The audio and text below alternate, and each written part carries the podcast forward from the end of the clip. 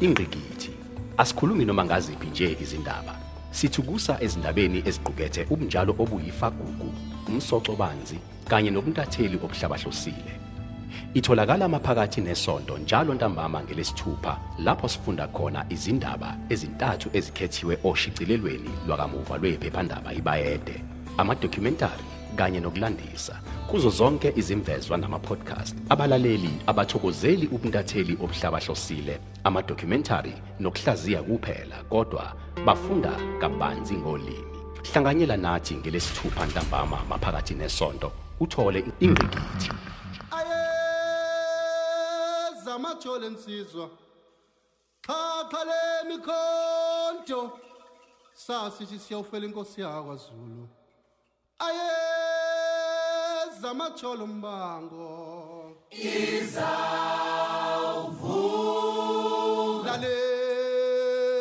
mshokobeni nani mangisi? Noguga nizwile ngokubona umzukulu kajinini ndomnyama ibhalwe ngunhlanhla mtaka umfo wakwaNomajalimane ifundwa ngumuzi mthabela umfo kaSkedi gudluka ngibona matha ngejongosi konyane zomhlahla ndlela unyaka ka2019 uyongena emlandweni wamangisi noZulu njengomqoka. Kulonyaka kwabe kukhunjulwa iminyaka eyikhulu namashumi amane ekaZulu yadla amangisi esandlwana. Nokho umlando kawupheli ngempi ngoba kuwo lo nyaka omdala wayekuwo amangisi futhi wemukelwa ngoxolo. Omdala wetheleka nje amangisi ayixakwe lutwayi lwepolitiki yangaphakathi njengoba kwakudedelwana enkundleni phakathi kukandunankulu owayiphuma unkosikazi Theresa May kanye nowayengena umnumzane Boris Johnson. Nokho lokho akubenzanga bezindaba kanye nezikhulu zakuleli lizwe. Kusuka kosopolitiki abenkolo kanye namagumgedlela basusa amehlo kulokhu okuhle.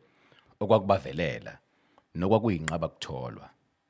Bonke ngesinwe bakulandela kwaze kwaba sekugcineni ukunyathela kwethambo lengonyama ucetshwayo lapho kwakuvuka emdala imlando ethinta ekujuleni kaZulu nakuwa amangisi uqobo. Kwathi lapho etheleka umaphikelela umdlokombane vukudla amadoda kwabonakala ukuthi konakele ngoba sathi sinyathela esikhumulweni sezindiza layithela. Kwalamlinyusi umfoka sombila owabiza izinyanda ezulu. Esho khona ukuthi njengomxhumanisi kaZulu osenhlabathini ophilayo nowayesazozalwa isilo sasisemangisini nje kwakungampi kepha impi isiyedlule wayelapha nje wayeyokhongela uZulu neningizimu Afrika. Wanede wamemeza umfuka sombila laphenya eLanghoed waqhubeka umsebenzi. Omdala wamukelwa ngenhlokomo umkhandlu waseBrecon owawuholwa imeya unkosikazi uAnne Mathias nokwalandelwa izinkonzo lapho ibandla kule ndawo lamukela uZulu ngomkhuleko. Inkonzo yayiholwa ngumfundisi uPaul Shakali. Lokhu kwalandelwa umcimbi wokwamukelwa kwesilo umbutho wezempi eDaring Lines Infantry Battle School. Lapha omdala wayephelekezelwa yibutho umehluleli uJerome Ngwenya inxusa lakuleli unkosikazi nomathemba Thambo kanye nethimba lomdala. Ababezokwamukela isilo kwakukhona uLord Thomas owayengungqongqoshe wezamasiko namafagugu nonkosikazi Kirsty Williams owayengungqongqoshe wezemfundo. Ngosuku olulandelayo kwama idolobha ngesikhathi umbutho wezempi kule ndawo uviliyela noZulu laphaya uvunule uconsa.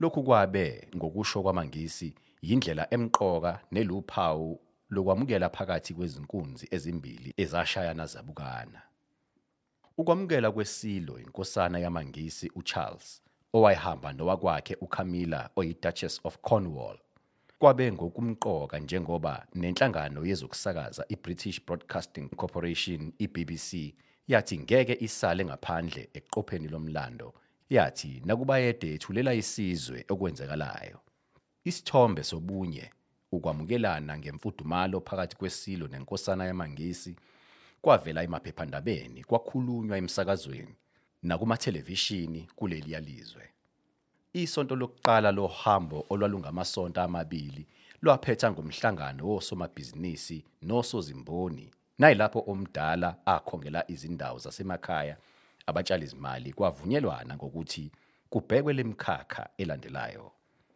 Ezolimo ezokuvakasha kanye nezokukhiqiza. Omdala wanxusa ukusebenzisana kakhulu nobukhosi kanye nemiphakathi yasemakhaya uma kwenziwa intuthuko. Umphoso wangempela entuthukweni yasemakhaya kufanele kube ukwakhiwa kwezimboni ezithambekele kokwasemakhaya. Lezi zimboni kufanele zingagcinelelwa kubantu basemakhaya kodwa zakhiwe kubanjiswene nabantu basemakhaya. Uma zakhiwe ngalendlela abantu basemakhaya bazoziqonda kahle futhi zibe yingxenye yempilo yemihla kubo. Mayelana nalokhu ngigqugquzela ukuba nokubambisana nokusondelana okuphelele phakathi kukahulumeni abaholi bomdabu nabasemakhaya kwasho isilo. Sasho lamagama nje amangisi ayesevumile esenqumile ukuthi okushiwoyo azokulandela njengoba kwakuvunyelwene ngethimba lokusebenza elalizoqinisekisa ukuthi kweluswa ukwenzeka kwezinto.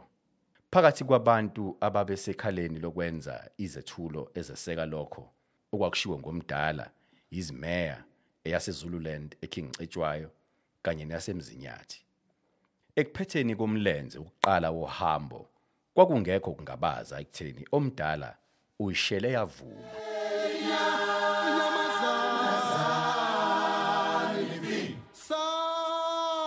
Sasingabombango izawuvuma abashawa badli bentshengula. Ibhalwe nguNhlanhla Mdaka umfoka kwaNoma Jalimane. Yafundwa ngumuzi Mthabela umfoka Skedi Gudluka ngibona mathanga ejongosi yadidiyelwa nguSihle Khwela umfoka Ngwebu konyane somhlahla ndlela izawuvuma